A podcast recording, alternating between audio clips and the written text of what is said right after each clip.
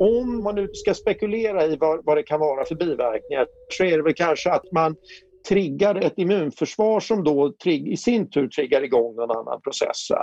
Eh, nu finns det inte de, jag menar om man tittar tillbaks på eh, Pandemrix och eh, de här svininfluensavaccinen så kunde man ju där har man ju sett i Kina och i Taiwan att man har den här säsongsberoende ökningen av narkolepsi och den verkar vara associerad just till influensa i sig.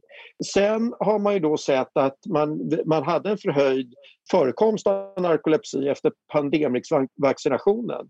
Men den bygger ju på, det är ju inte liksom vaccinet i sig egentligen utan det är ju att man har en del av virus.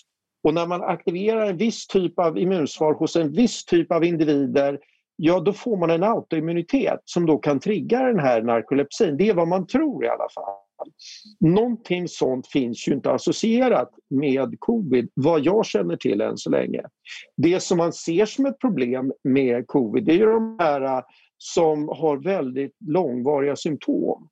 Alltså de här long covid och då skulle jag nog hävda att vaccinet faktiskt skyddar mot det.